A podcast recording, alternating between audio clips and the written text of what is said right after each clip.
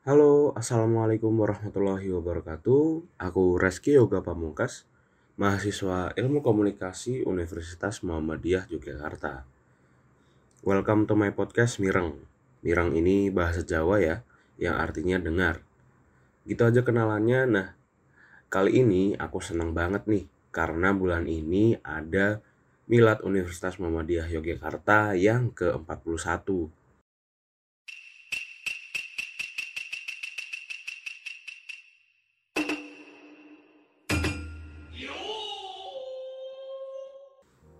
Selamat milad buat UMY yang ke-41 uh, tetap menjadi UMY yang menyenangkan dengan segala fasilitas dan suasana belajarnya sangat-sangat asik. Uh, seneng banget sih aku bisa kuliah di UMY karena itu tadi fasilitas dan suasananya yang asik banget buat belajar. Nah, teman-teman yang lain gimana nih kuliahnya uh, selama pandemi? Udah hampir 2 tahun kita uh, kuliah atau belajar di pandemi. Jadi agak susah apalagi uh, buat teman-teman yang mungkin gak ada wifi yang sinyalnya kurang bagus gitu. Uh, semoga lancar ya. Kalau aku sendiri ini uh, enjoy enjoy aja sih walaupun uh, tugasnya itu banyak banget. Uh, ya karena mungkin udah semester tua ya jadi ada tugas terus belum lagi kegiatan di luar itu ada UKM belum lagi ya sebagai manusia kita kan perlu main juga. Terus uh, kalau aku yang kuliahnya di ilmu komunikasi aku juga harus tetap berkarya gitu. Karena itu untuk mengasah kemampuanku sendiri. Nah ngomongin tentang karya nih aku bakal nyeritain apa aja yang aku buat selama pandemi ini. Jadi, uh, aku udah bikin jurnal tentang stereotype di jurnal audiens UMY, bisa kalian cari ya. Uh, lalu aku uh, aku juga kemarin launching brand jualanku di rumah. Nah, di rumah ini aku kemarin uh, sempet membuat brand, uh, bikin produk kita jualan rice bowl. Lumayan cuan sih, jadi ya lumayan buat referensi kalian kalau mau jualan-jualan gitu ya. Lalu aku juga sempat memproduksi beberapa film pendek di Jogja. Aku sempat produksi film di tahun 2020, 2021 dan uh, baru aja bulan ini bulan Maret uh, di tahun 2022 aku udah memproduksi film untuk iklan. Gitu uh, masing-masing judulnya itu ada Wedo itu remake ya teman-teman. Jadi ada udah ada film pendek sendiri yang namanya Wedo. Terus kita uh, karena ditugaskan dari kuliah kita ditugaskan untuk meremake atau membuat kembali beberapa scene di film pendek itu. Itu dan uh, di remake Wedok ini aku eh kelas kita ya kelas kelasku itu uh, jadi juara satu uh, juara satu uh, di remake angkatan. Jadi kelas putih terbaik seangkatan. Bangga sama teman-temanku. Senang banget sih waktu itu karena untuk aku yang sempat beberapa kali memproduksi film dan uh, teman-teman lain yang belum pernah tapi mereka se, se excited itu untuk memproduksi. Jadi aku senang banget lah ngelihatnya. Karena wah ternyata mereka juga antusias gitu untuk memproduksi film dan mereka juga kepo gitu. Walaupun mereka uh, zero experience gitu mereka belum tahu apa-apa. Tapi mereka niat untuk ingin tahu dan ingin bisa gitu mereka tinggi banget. Aku senang sama kelasku kemarin. Lalu di tahun 2021 aku memproduksi Angkara film Angkara ini untuk kepentingan lomba waktu itu. Uh, lalu ya yang kemarin ini di tahun 2022 bulan Maret aku memproduksi iklan yang uh, dengan gaya kayak film-film gitu. Jadi tetap film tapi untuk iklan gitu ya.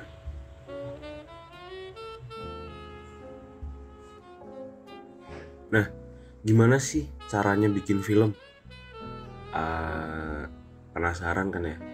Jadi aku di ilmu komunikasi Universitas Muhammadiyah Yogyakarta ini gabung sama yang namanya Ciko. Ciko ini adalah sinema komunikasi uh, yaitu kayak komunitas film di bawah naungan Ilkom UMY itu di situ kita bareng-bareng belajar memproduksi film pendek uh, mulai dari pra produksi uh, lalu hari H produksi sampai post produksi atau pasca produksi nah sebelum ke produksi kita juga harus tahu nih apa aja sih job desk yang ada buat memproduksi sebuah film. Jadi untuk memproduksi buat uh, untuk memproduksi film kita juga perlu banyak kru kan, perlu banyak orang untuk memproduksi film. Gak cuman harus ada sutradara dan kameramen, masih ada yang lainnya. Uh, aku bakal kenalin satu-satu nih per departemen. Jadi ada departemen produksi yang di dalamnya ada produser, line produser, manajer lokasi atau menlok biasa kita nyebutnya menlok ada UM ada PA atau producer assistant. Lalu ada talent coordinator. Atau biasanya kita juga nyebutnya telco. Lalu selanjutnya di departemen penyutradaraan nah ini di sini ada sutradara. Uh, lalu ada skrip dan astrada atau asisten sutradara. Ada dua asisten sutradara ya sebenarnya sesuai kebutuhan aja sih cuman kalau aku tuh biasanya ada dua astrada satu dan dua. Astrada satu yang tugasnya lebih ke manajerial gimana caranya film ini saat produksi sesuai dengan jadwal yang udah ditetapkan dan nggak molor-molor lalu astrada dua yang lebih ke pengadeganan dan yang itu membantu sutradara untuk me, uh, me, mendirect atau memberitahu kepada talent buat uh, gimana nih geraknya, gimana nih nanti adegan selanjutnya aku harus ngapain. Nah, itu nanti akan dibantu sama asisten sutradara dua. Nah, di sinematografi ada DOP nih atau yang sering kalian sebut dengan kameramen kali ya. Ada direct DOP atau Director of Photography. Lalu ada ASCAM, ada asistennya, dan ada Camboy atau Camera Boy masih di sinematografi ada lighting di lighting itu isinya ada gaver sama lightman lalu di artistik nih uh, artistik menurutku keren banget. Kenapa? Karena ya dia artistik gitu. Uh, itu dia tugasnya kayak uh, ngeset. Jadi membuat ruangan itu sesuai dengan keinginan sutradara. Gimana caranya?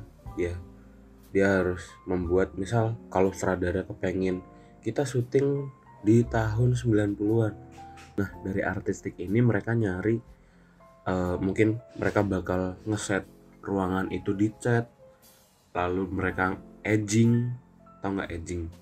Umur edge nah mereka kayak mungkin ditaruh-taruh rumput-rumput lumut-lumut gitu biar kelihatan tua atau mereka ngecatnya ada. Mungkin dikotor-kotorin dikit dan mereka harus misal ada properti radio yang lama mereka harus nyari itu. Menurutku keren banget sih jadi mereka membuat suasana itu menjadi benar-benar tahun 90-an nah di situ dipimpin oleh art director atau kita sering nyebutnya art dir lalu ada prop master atau property master yang nyari-nyari barang untuk itu. Lalu ada set builder yang membantu ardir untuk membangun uh, set atau tempat nah, buat kita syuting menjadi sesuai dengan keinginan sutradara. Selanjutnya ada makeup wardrobe. Nah ini biasanya uh, job desk yang banyak cewek-cewek cakep. uh, di sini mereka makeup ya makeup membantu apa ya membuat look sesuai dengan keinginan sutradara. Lalu wardrobe mereka nyediain kayak pakaian-pakaiannya yang sesuai uh, kalau sutradara pengen syuting setnya latar dengan tahun 90-an ya berarti wardrobe-nya akan menyesuaikan nih. Mereka bakal uh, menyediakan baju 90-an nggak mungkin kan kita syuting tahun 90-an terus tiba-tiba kita pakai pakaian dari tahun 2020 kan kayak aneh gitu kan.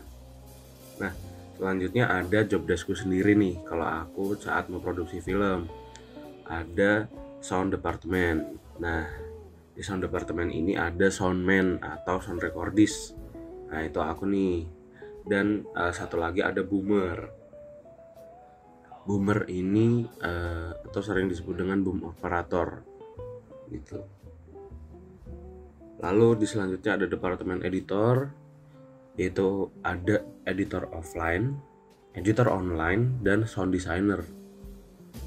Itu di editor offline itu tugasnya kayak mereka rough cut tau nggak? Mereka nyatu nyatuin footage nyatu nyatuin video per scene per shot.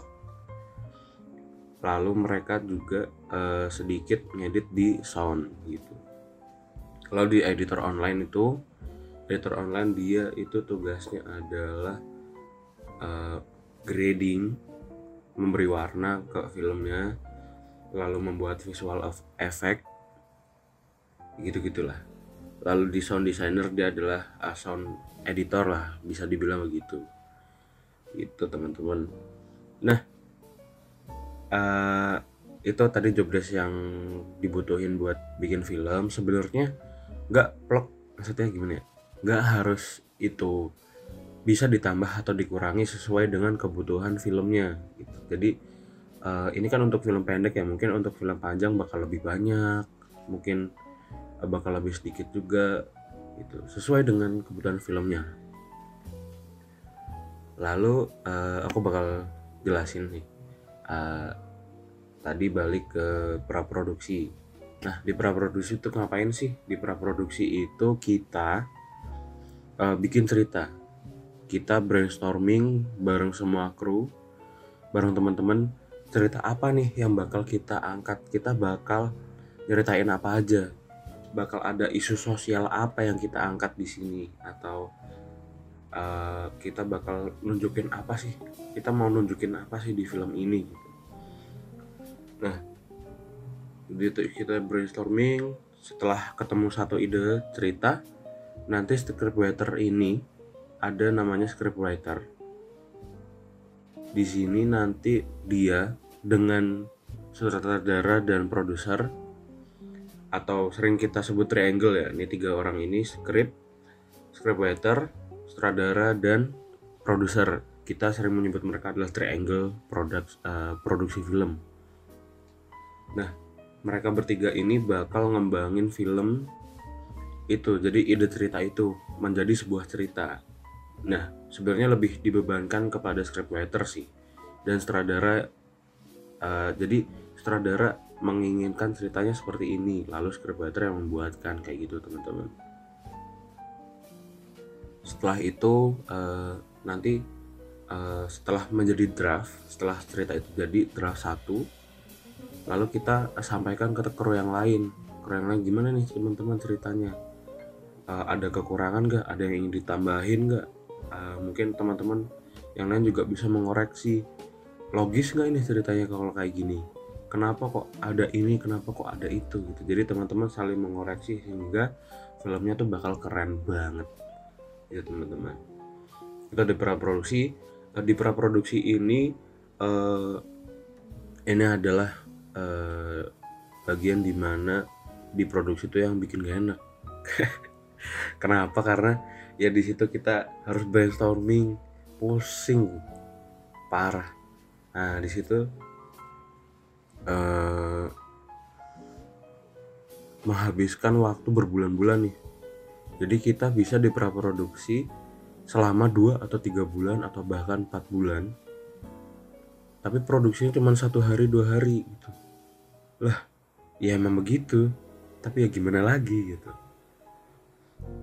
Jadi uh, mungkin sekitar 80% 70 atau 80% dari sebuah produksi film itu kita di praproduksi nah di praproduksi selain bikin cerita itu juga kita mempersiapkan jadi setelah cerita itu jadi udah nggak ada masukan lagi dari teman-teman yang lain udah fix menjadi final draft uh, kru yang lain bakal uh, kayak oke okay, oke okay, oke okay.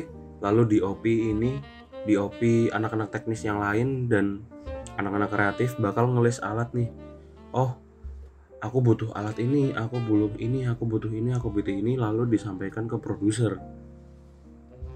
Untuk nanti ngelis alat-alatnya gini gini gini gini lalu uh, bakal oke okay, kita bakal pakai alat ini dan ini ini ini ini gitu teman-teman.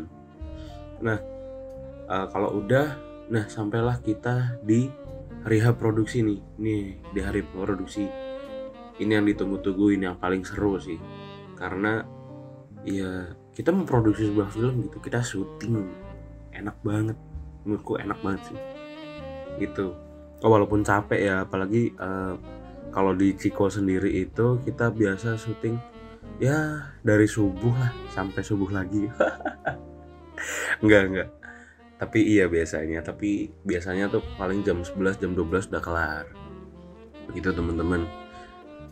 Uh, lalu kita ke praproduksi. Nah di praproduksi ini saatnya editor bekerja teman-teman. Lalu uh, ya mereka bakal edit set set set set, set. Lalu uh, di produksi juga kita bakal preview. Nah saat editor ini kalau udah selesai udah final lah lalu kita bakal preview nih. Gimana teman-teman ada ini nggak kurang apa kurang apa gitu. Lalu edit edit edit sampai akhirnya film itu jadi nah kayaknya ribet banget kan tadi itu cerita film-film tadi itu. Ah, susah nggak sih? Ya apalagi selama pandemi ini kan. Susah sih menurutku karena uh, di perizinan. Karena di perizinan ini kita belum boleh berkerumun belum boleh banyak orang. Jadi di perizinan kita lumayan susah. Tapi uh, cara mengatasinya itu kita kalau di Jiko sendiri bikin kayak ring-ringan gitu teman-teman. Uh, ring. Jadi ada beberapa uh, kru yang uh, jadi ring satu di mana ring satu ini kayak sutradara anak-anak teknis yang emang harus ada di situ.